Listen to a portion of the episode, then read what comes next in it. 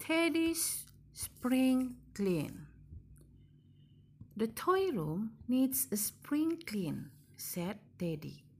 So much dust, lots of tidying up to do. Well, I'm not going to help, said Stripy Tiger. And I'm not going to help, said Mermaid Doll. What can we do? I will put spots on your face and put my paw in a sling, said Tiger. Teddy will think we are poorly. So Tiger painted red spots on Mermaid Doll. She put his paw in a sling. They did look poorly.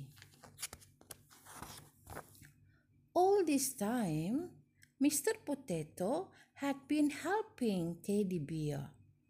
You have worked hard, Mr. Potato, said Teddy. You deserve a reward.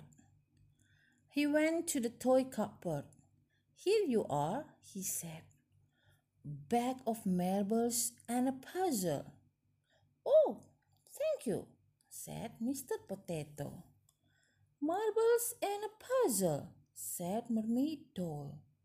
Just for helping with the spring cleaning. Mermaid Doll rubbed the spots of her face.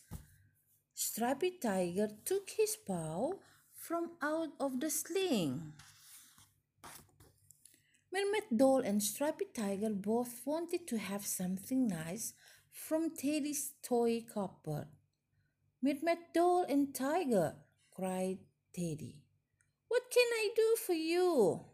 Um, we came to help with the spring cleaning, said Tiger. We want to tidy the toy cupboard, said Mermaid Doll. That has been done already, said Teddy.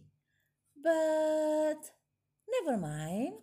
I'm sure I can find lots more spring cleaning for you to do. And he did.